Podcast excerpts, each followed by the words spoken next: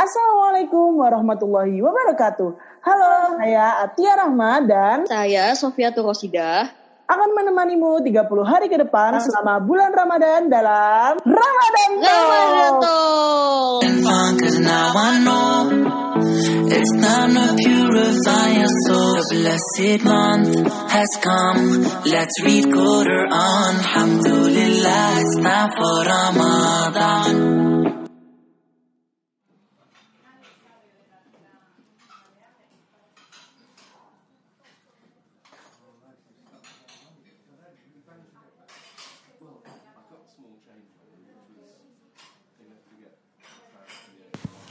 Assalamualaikum warahmatullahi wabarakatuh. Perkenalkan, aku Salma dan untuk episode kali ini teman-teman dari Jiro Lupat pengen banget aku bahas tentang sandwich generation. So, mari kita bahas. Well, sebenarnya bahasan-bahasan sandwich generation ini jadi bahasan yang lumayan um, I can say it's a bit overrated sih karena lagi sering banget dibahas di banyak platform terutama di sosmed gitu ya di sosmed di akun-akun uh, financial planning kali ya gitu. Banyak banget lah nemu tentang sandwich generation ini. Yang awalnya itu jadi hal yang agak lumayan awam kan ini apaan sih? Ini makanan. Ini sebenarnya sandwich kan makanan kenapa jadi dihubung-hubungin sama bahasan keuangan dan lain sebagainya gitu. Tapi kita akhirnya jadi terpapar informasi tentang sandwich generation ini uh, dan akhirnya nggak jadi awam lagi gitu. Dan mungkin akhirnya yang dulunya teman-teman yang nggak tahu definisinya apa lalu juga nggak sadar bahwa mereka ternyata pelaku itu akhirnya sekarang jadi paham gitu. Dan paham posisinya mereka ah ternyata gue juga pelaku sandwich generation nih gitu. Mungkin kalau nggak ada informasi itu kita nggak tahu ternyata kita pelaku juga. Dan untuk teman-teman yang bukan pelaku akhirnya juga tahu oh ternyata fenomena ini ada ya di sekitar kita Nah, sebelum kita lanjut nih bahas lebih dalam lagi fenomena ini, aku mau kasih sedikit definisi aja. Mungkin teman-teman ada yang masih awam tentang uh, apa sih sebenarnya generasi sandwich ini. Jadi generasi sandwich itu adalah uh, orang-orang yang memiliki tanggung jawab finansial dalam mengurus keluarga dan anak serta orang tua. Jadi bayangin aja ya sandwich sandwich itu kan minimal ada tiga tumpuk ya roti atas terus ada isi lalu ada juga roti bawah. Nah kita tuh ada di tengah-tengah sebagai isi. Nah kita harus menopang uh, roti atas yaitu orang tua kita dan roti bawah yaitu keluarga kecil kita gitu. Mau anak uh, atau suami atau istri gitu ya. Nah kalau mungkin sebenarnya nggak sakel kayak gitu juga sih definisi gitu. Mungkin teman-teman juga banyak yang ada di umur-umur ya 20-an gitu atau 30 awal yang belum punya keluarga belum menikah belum punya anak tapi tetap bisa disebut sebagai sandwich generation karena mereka harus menghidupi orang tuanya. Dan kelak mereka kan pasti di masa depan pengen bisa uh, dengan proper gitu ya menghidupi keluarga kecilnya. Nah sebenarnya munculnya uh, munculnya fenomena sandwich generation ini bukan hal baru gitu, bukan karena baru aja jadi hot topic lalu ini kayak oh ini fenomena baru. Ya gitu nggak sama sekali. Karena sebenarnya dari histori kalau kita mau bicara histori tentang ini itu udah ada sejak pasca perang dunia. Ya kemarin sama sempat baca dan ternyata ini udah ada sejak uh, pasca perang dunia kedua di Eropa. Makanya kalau kalian wondering kenapa namanya sandwich gitu ya. Mungkin kalau di Indon kalau uh, fenomena ini pemahaman ini hadir di Indonesia sebelumnya mungkin namanya bukan sandwich gitu bisa jadi namanya kue lapis kan.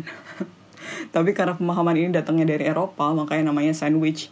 Itu ada di Eropa waktu pasca Perang Dunia Kedua. Jadi ada fenomena bahwa uh, hidup susah waktu pasca Perang Dunia itu banyak banget orang-orang yang mereka tuh di umur-umur 20-an, 30-an awal gitu, mereka harus kerja keras banget, udah kerja keras, udah pokoknya mati-matian banget cari duit, tapi tetap nggak bisa nutup untuk kebutuhan mereka karena mereka harus ngidupin uh, orang tuanya dan keluarganya sendiri gitu. Dan dan itu yang terjadi di Eropa. Dan ternyata sampai sekarang pun masih tetap berlanjut gitu. Nah, aku mau kasih sedikit disclaimer, aku bukan expert di bidang uh, finansial, aku bukan expert di bidang apa ya ekonomi dan lain sebagainya itu. Aku di sini hanya ingin membahas tentang sudut pandang yang berbeda aja gitu. Karena jujur agak mengkhawatirkan gimana teman-teman di luar sana mengemas konten-konten tentang sandwich generation ini sebagai hal yang agak menjurus ke ketidakbersyukuran aku bilang. Karena diksi-diksinya tuh semacam menggambarkan bahwa teman-teman yang pelaku sandwich generation ini jadi sangat tidak bebas gitu. Kok kita nih yang kerja keras tapi yang ngabisin duitnya orang tua kita. Kita yang kerja keras sudah banting tulang segala macem lah. Uh, lembur lah apa gitu. Tapi kita nggak nikmatin hasilnya dan lain sebagainya. Akhirnya in the end akan nyalahin orang tua kita. Nah sebenarnya pengen banget bisa share dari sudut pandang Islam gitu. Gimana cara pandang Islam mengenai fenomena ini? Kalau kita mau ngelihat fenomena ini dari sudut pandang yang general memang akhirnya orang tua kita terkesannya tuh kayak beban banget lah. Mereka itu sebenarnya siap gak sih punya anak? Kok nggak di planning banget masalah keuangan mereka di hari tua? Atau kok mereka jahat banget sih tega banget gitu bikin kita kerja keras lalu kita harus ngebiayain mereka? Dan ya pemikiran-pemikiran negatif yang lain yang ke orang tua kita. Nah ini ada hubungannya sama keinginan ya kita di umur umur 20 30-an punya karir yang bagus. Kita pengen semua punya karir yang bagus. Kenapa? Karena kita pengen punya yang sekarang lagi sering diobrolin nih gitu. Semua orang pengen banget punya uh, kebebasan secara finansial ada hubungannya dong karena kita udah kerja keras segimanapun kita nggak akan bisa nggak akan pernah bisa dapat itu ketika uang kita habis buat ngebiayain orang tua kita mungkin. Akhirnya udah mikir yang negatif-negatif kayak kapan gue kayanya kalau begini kapan gue bisa nabungnya kapan gue bisa invest kapan gue bisa punya rumah kalau uang gue habis buat orang tua gue buat keluarga gue gitu dan lain sebagainya. Nah ini ada hubungannya sama kita mau bahas tentang wealthy tentang kekayaan. Bahwa kekayaan itu kan setiap orang mandangnya beda ya gitu. Ada yang mereka ngerasa ah gue cukup kok dengan apa yang gue punya mungkin cuman punya motor atau rumah gue masih ngontrak atau ya gue masih tinggal sama orang tua gue itu udah cukup gitu. Atau gue punya tabungan cuman segini gitu. Tapi ada juga orang yang memandang wealthy itu harus yang wow banget gitu. Kalau ngelihat influencer kan wow banget kan dengan umur mereka yang masih muda tuh um, sebulan mereka bisa dapat berapa miliar gitu kali ya gitu jadi wealthy itu ukurannya, takarannya setiap orang tuh beda. So, tapi kalau kita mau bicara dari kacamata Islam, kita tahu dong tentang kona'ah bahwa merasa cukup itu penting sekali gitu. Kita mau ngejar segimana segimanapun, kita mau ngejar sampai ujung dunia kalau memang itu belum rezeki kita, itu bukan rezeki kita, kita nggak akan pernah dapet.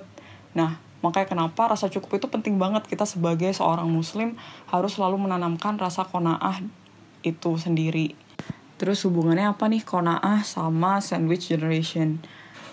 Jadi kita sebagai muslim percaya dong kalau rezeki itu kan bentuknya bukan cuma materi, bukan cuma uang gitu. Rezeki itu kan bisa banyak hal, bisa dalam peranah yang lain gitu. Mungkin ya seperti kita dikasih kesehatan sama Allah, terus kita dikasih teman-teman yang solih, teman-teman yang baik, terus kemudahan kita untuk belajar, kemudahan-kemudahan yang lain yang Allah kasih ke kita, terus juga mungkin punya orang tua yang solih juga gitu, keluarga yang solih, itu kan juga rezeki.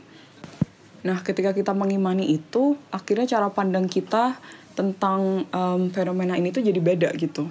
Bisa jadi kita akhirnya berpikir bahwa, oh mungkin emang rezeki orang tua aku sekarang itu dilewatinnya dari aku nih gitu. Aku perantara rezeki orang tua aku. Terus karena kalau mau di mau di um, balik ulang gitu ya mungkin dulu orang tua kita juga dapat rezekinya dulu itu karena kita gitu. Bisa jadi mereka punya rezekinya itu ya karena punya kita sebagai anaknya. Nah sekarang tuh kebalikannya gitu. Kalau mau di ya kalau mau kita mau berpositif thinking ya terus dan berbaik sangka juga sama Allah kona'ah sendiri ini juga bukan cuman perkara harta sih sebenarnya tapi juga sebenarnya masalah hati juga gitu. Uh, ini side effect yang negatif menurut aku ya dari sosial media bahwa kita akhirnya jadi sering banget ngebandingin uh, achievement kita sama orang lain. Ketika teman-teman kita seumuran kita udah punya segala macem gitu kok gue masih gini-gini aja sih gitu. Akhirnya berlanjutnya adalah menyalahkan orang tua kita karena ya uang uang kita sebagian habis untuk mereka gitu untuk membiayai mereka. Nah uh, kona'ah ini bukan harta doang gitu. Kona'ah itu adalah ketika uh, hati kita udah bisa nerima udah bisa nerima bahwa oh ya porsi rezeki aku dari Allah segini. Dan di porsi ini itu ada hak orang tua aku yang harus aku tunaikan maka aku akan menunaikannya dengan ikhlas. Nah itu baru kona'ah gitu. Tapi kalau masih aku ah, temen gue begitu sih? Enak banget sih dia nggak perlu tuh um, ngebayarin orang tuanya. Jadi dia bisa beli mobil di, di umur dia yang masih di bawah 25 tahun enak banget sih dia tuh bisa jalan-jalan ke luar negeri dan lain sebagainya, gitu ya. Kalau itu belum konaah berarti. Dan uh, kabar buruknya adalah ternyata hmm, uh, definisi wealthy definisi kesejahteraan dan kekayaan kita tuh adalah ngikut orang lain bukan dari kacamata uh, Islam dan bukan dari uh, kita sendiri akhirnya emang kenapa sih penting banget nih kita ngelihat sesuatu tuh dari kacamata keimanan dan dari kacamata Islam. Karena kalau kita mau ngelihat itu dari sisi generalnya tuh kayaknya nggak ada habisnya gitu. Dan pasti lebih banyak dongkolnya lebih banyak um, negatif thinkingnya gitu ya. Padahal kan kita wajib banget berprasangka baik sama Allah. Karena kalau kata Allah aku menurut prasangka hambaku. Jadi kalau aku ngelihatnya lebih ke arah uh, kita paham bahwa ujian setiap orang tuh masing-masing gitu dan mungkin memang untuk kita ujiannya adalah menjadi pelaku generasi sandwich ini gitu untuk memenuhi kebutuhan keluarga kita. Aku ngelihat segala ujian itu sebenarnya adalah blessing in disguise. Jadi uh, keberkahan yang terselubung. Karena nggak ada satupun di dunia ini yang Allah turunkan itu tanpa hikmah gitu. Segala ujian tuh pasti ada hikmahnya. Nah sama ketika kita diuji, pasti uh, akan ngajarin kita sesuatu gitu. Yang mungkin kadang kalau kita lagi ngalamin kita nggak masih belum bisa memahami itu tapi latar on pasti kita akan dapat sesuatu. Dan itu kan janji Allah ya gitu. Kalau Allah tuh nggak akan pernah menguji hambanya di luar batas kemampuannya. Dan kita wajib mengimani itu dong karena kan kita katanya orang beriman kita percaya sama Allah. Jadi kita wajib banget mengimani itu. Selain berprasangka baik sama Allah kita juga tahu bahwa berbakti kepada orang tua itu sebuah keutamaan yang Islam hadirkan untuk kita. Jadi sebenarnya teman-teman yang lagi menjalani ini, kalian tuh harus bersyukur karena kalian dikasih jalan, dikasih fasilitas sama Allah untuk bisa berbakti sama orang tua semaksimal mungkin. Karena belum tentu nih semua semua orang atau teman-teman di luar sana tuh dikasih jalan ini untuk bisa berbakti sama orang tuanya gitu.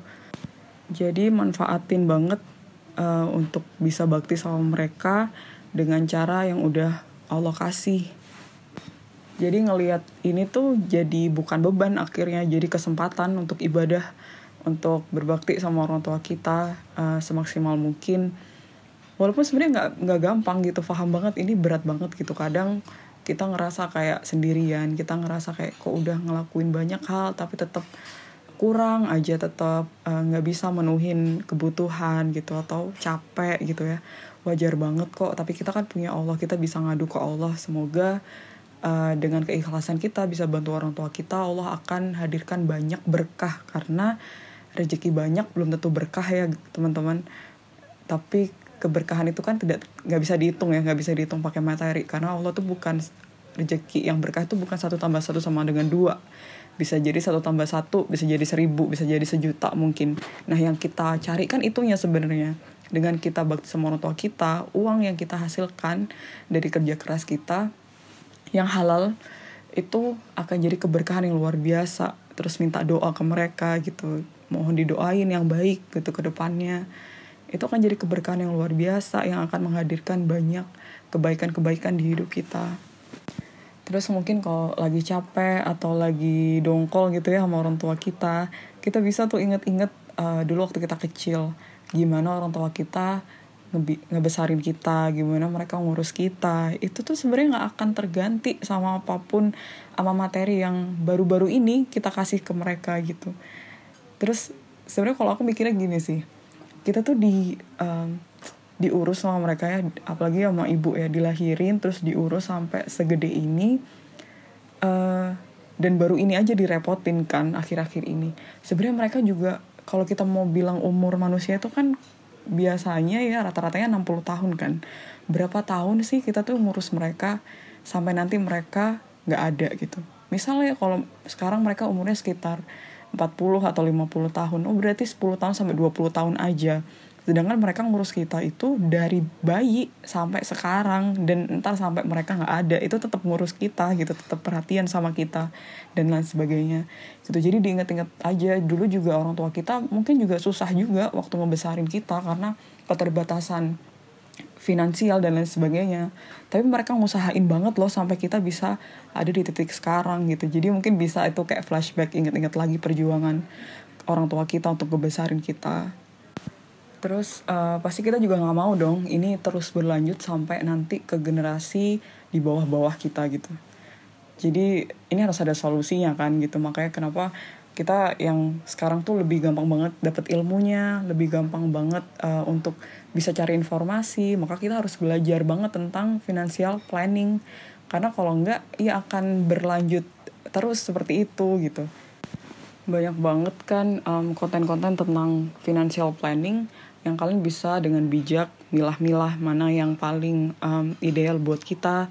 Terus selain memang kita belajar untuk financial planning, kita juga harus tetap doa sama Allah semoga dimudahkan, semuanya dibukakan pintu rezekinya, terus juga um, ikhtiar gitu ya. Ikhtiar kadang kalau misalkan sekarang tuh banyak banget teman-teman yang udah mulai berpikir untuk bisa invest, untuk bisa nabung, untuk bisa berbisnis dan lain sebagainya, itu bisa banget tuh bisa bisa dijadiin uh, apa sih bahasanya sekarang tuh side hustle. Jadi punya uh, kerjaan sampingan selain kerjaan utama. Itu bisa itu salah satu ikhtiar yang memang harus kita lakuin kalau kita mau uh, bisa ada di titik nyaman dalam keuangan. Oh iya ada yang lupa juga satu jangan lupa sedekah. Kita sebenarnya teman-teman yang lagi uh, ngejalanin sebagai pelaku sandwich generation sebenarnya kalian juga sedekah loh itu ke orang tua kalian. Sedekah yang paling mulia malah karena ke orang tua. Jadi jangan karena kita ngerasa kurang lalu kita jadi pelit-pelit untuk sedekah. Padahal kan um, kita tahu ya rahasia sedekah tuh luar biasa banget udah banyak banget lah ceritanya. Jadi itu. Dan kita harus mastiin kita harus berazam banget bahwa uh, fenomena generasi sandwich itu akan berhentinya di kita. Kita nggak mau nih ini sampai berlanjut ke anak cucu kita nanti. Jadi kita harus jadi orang terakhir di keluarga kita yang melalui ujian ini. Kayak gitu. Jadi mungkin itu aja dari aku tentang fenomena sandwich generation ini. Semoga bisa bermanfaat buat kalian bisa menguatkan teman-teman yang memang sedang diuji sama Allah. Dan semoga ketaatan kalian ibadah kalian ke orang tua kalian um, yang dilakukan penuh dengan keikhlasan akan Allah ganjar uh, dengan surganya nanti dengan tempat sebaik-baiknya dan kebaikan-kebaikan lain di dunia dan di akhirat. Amin. Wassalamualaikum warahmatullahi wabarakatuh.